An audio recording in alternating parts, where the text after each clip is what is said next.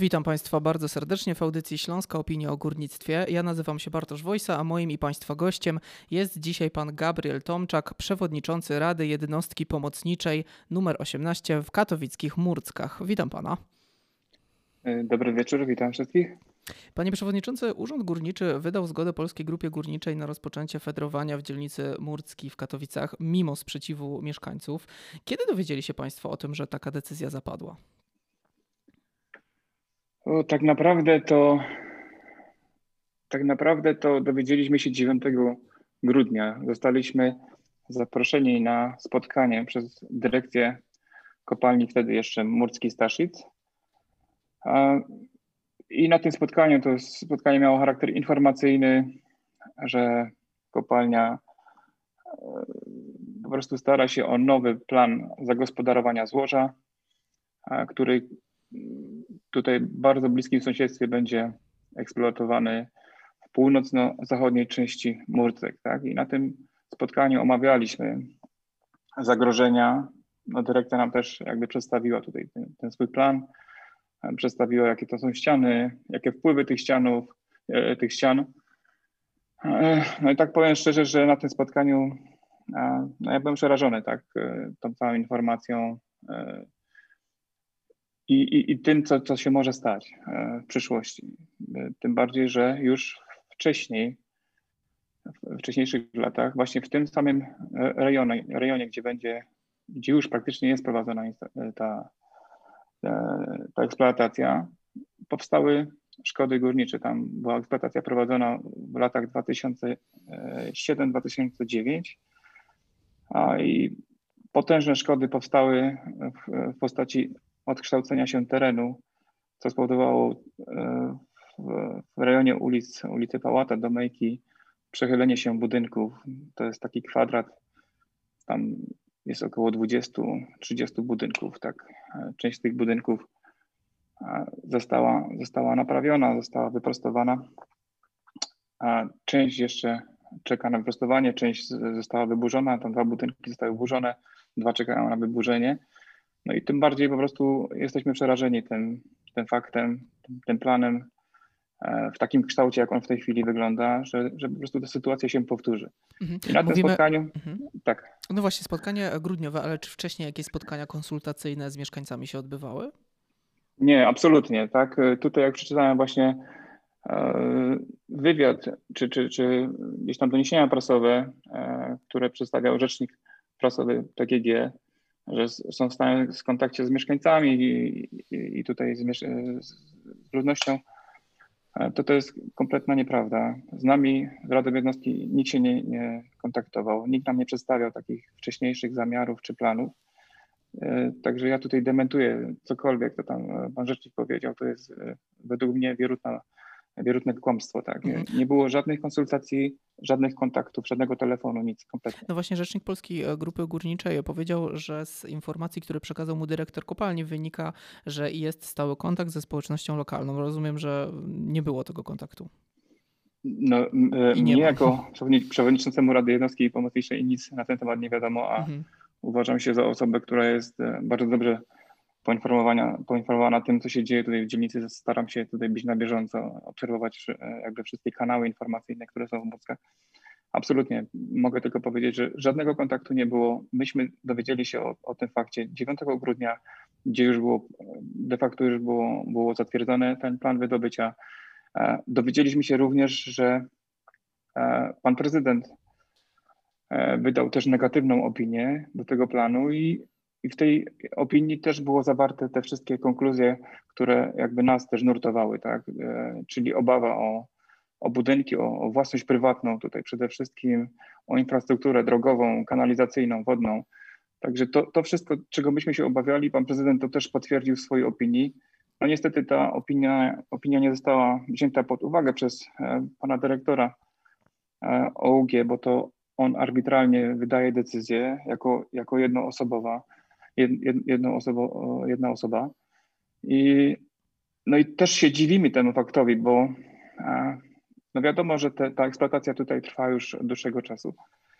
I zawsze było przyjęte taką, taką dobrą normą, że były prowadzone jakieś informacje, były prowadzone jakieś spotkania z mieszkańcami.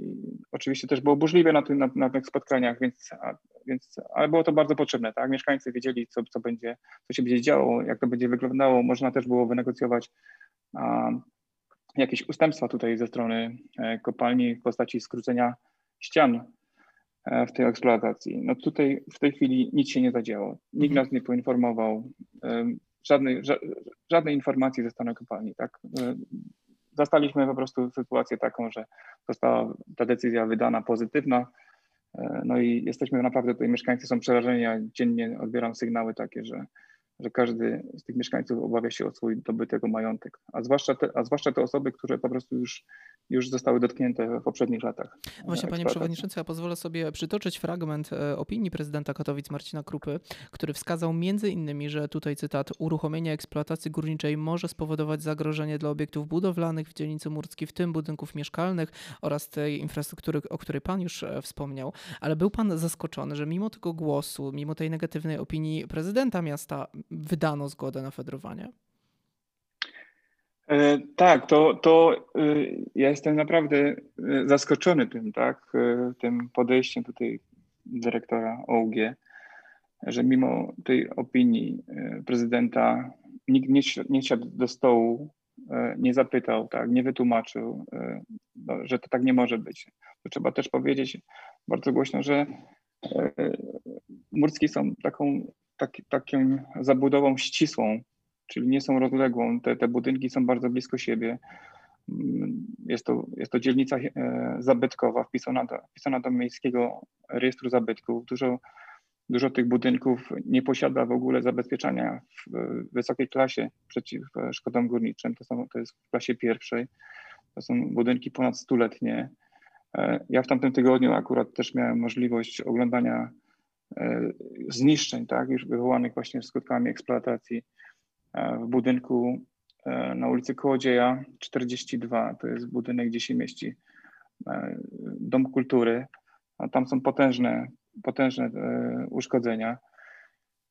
Oczywiście było to zgłaszane do kopalni. Kopalnia jakby no nie, nie, nie, chcę nie chcę uwzględnić tych wszystkich tak, tutaj szkód, które tam powstały. Więc to jest takie takie przebijanie się i e, przez, przez taką zaporę, która jest nie do, nie do przebicia. No i najprawdopodobniej ta sprawa skończy się w sądzie i trzeba będzie tych swoich roszczeń dochodzić w sądzie. Mhm. No właśnie powiedzmy, jak w, poprzednich, jak w poprzednich latach e, wyglądało zmaganie się mieszkańców ze zniszczeniami spowodowanymi tą e, eksploatacją? Bo z tego, o czym też rozmawialiśmy wcześniej i przed rozmową, mówił pan, że to były długie batalie. Tak, no akurat tak się składa, że ja jestem osobą, e, która była poszkodowana, tak, tutaj bardzo mocno e, właśnie z tego wydobycia, z tej eksploatacji e, z, lat 2009-2007-2009. Mhm.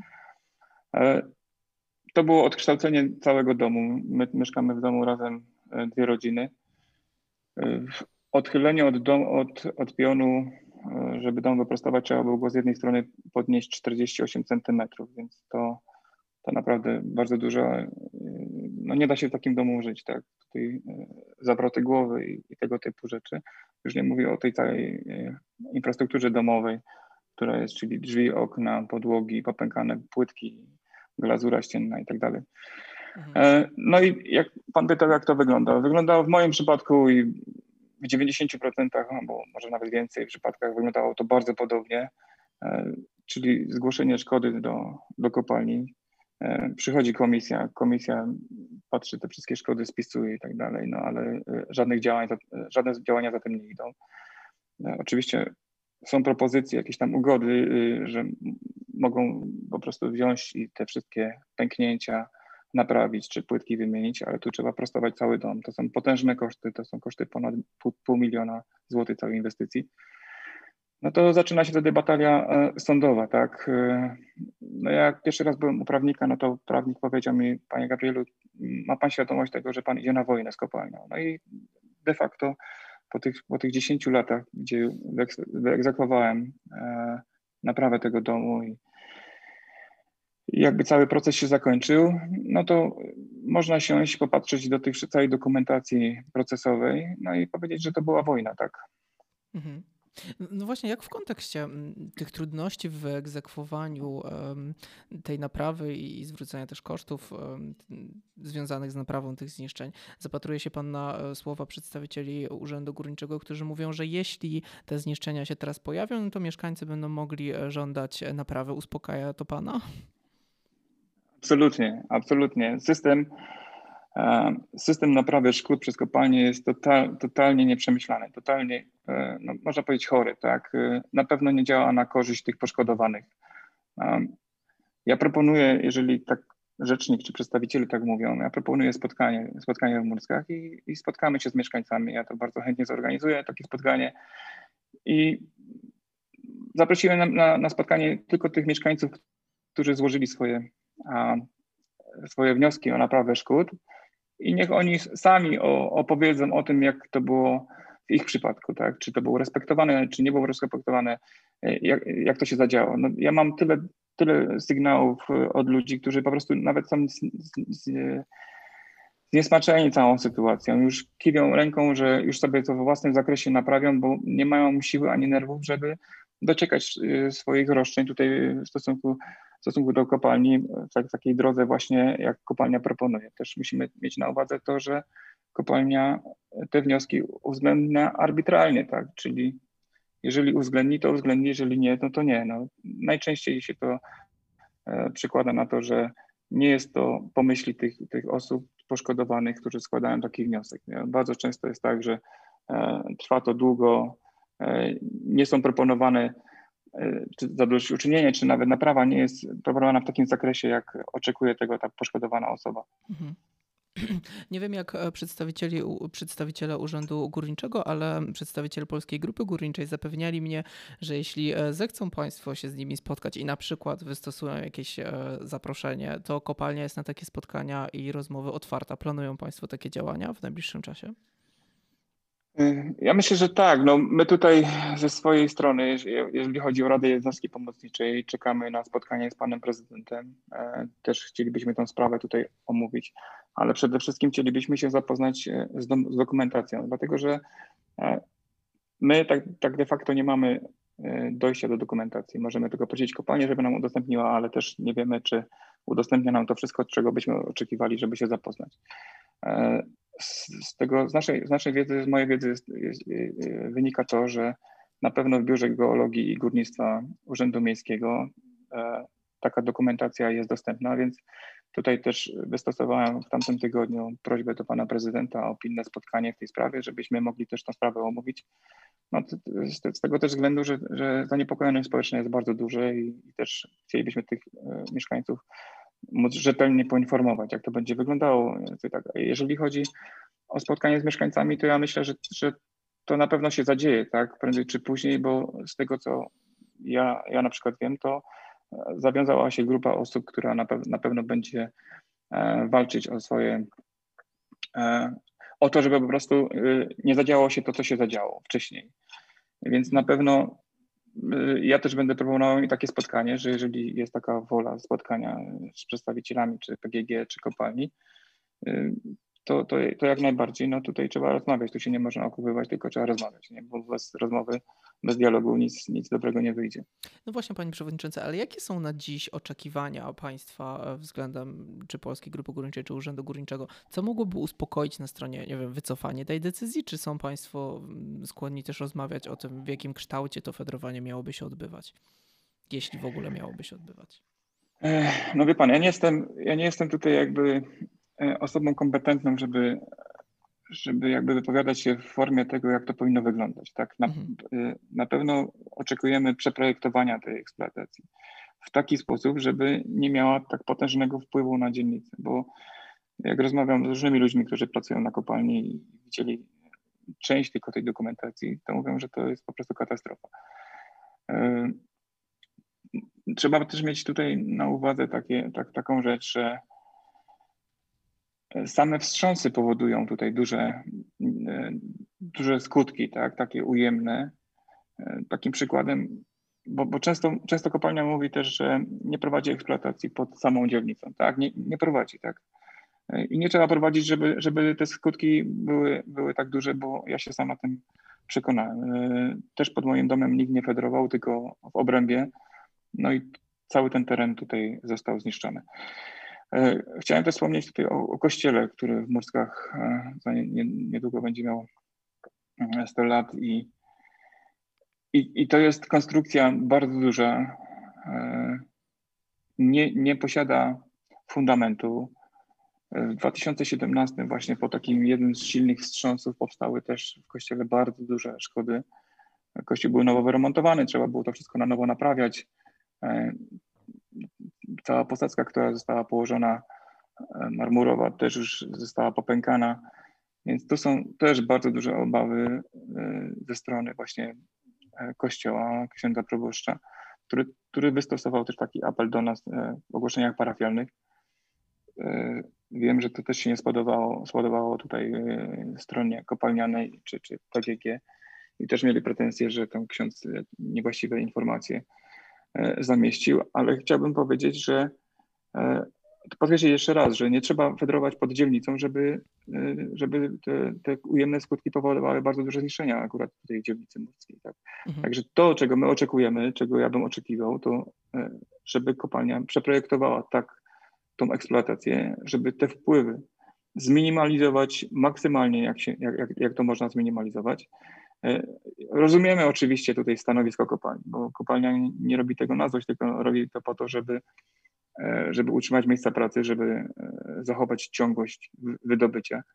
To jest zrozumiałe, tak? Tylko, że to nie może się odbywać kosztem e, tutaj osób prywatnych, tak? Czy, czy majątku osób prywatnych, tak? Bo, bo tak jak panu wcześniej mówiłem, dochodzenie do tych swoich roszczeń to jest droga przez mękę, tak? To, to nikomu nie życzę. Ja to przeszedłem, wiem jak, jak to wygląda. Y, zapewnienia kopalni były, że się dogadamy, że się dogadamy. To są bajki po prostu wyjęte, wyjęte z książki. Mhm. Kompromis, e, panie przewodniczący, byłby oczywiście tutaj najlepszym rozwiązaniem, ale zakładając najczarniejszy scenariusz, że te postulaty mieszkańców i państwa zostaną e, odrzucone, pojawiły się głosy, że jest brany pod uwagę protest. Czy rzeczywiście takie kroki i taki scenariusz też jest brany pod uwagę? No, e, wie pan, no z tego ja tutaj żyję z ludźmi staram się żyć z każdym tutaj bardzo blisko i, i też na pewno w tę sprawę jestem bardzo mocno zaangażowany, bo dotyczy mnie bezpośrednio. No i taki protest na pewno jest, jest brany pod uwagę, tak? No bo w dzisiejszych czasach jedyną formą takiego wyrażenia się, żeby było to dostrzeżone, no to jest forma protestu. Tak? Jak, I jaki kształt tego protestu, no to ja nie jestem w stanie tego powiedzieć, ale no w dzisiejszych czasach to ludzie są bardzo kreatywni, więc Myślę, że, że, że taki protest będzie na pewno wyrazisty, na pewno będzie widoczny w mediach, na pewno będzie taki, żeby, e, żeby po prostu został zauważony, tak? żeby kopalnia wzięła pod uwagę e, mieszkańców, ich obawy i, i przede wszystkim oczekiwania, żeby to zniwelować. No, ja mogę tylko powiedzieć, że każdego dnia odczuwamy wstrząsy. Dzisiaj również w nocy był silny wstrząs, ja, ja się obudziłem.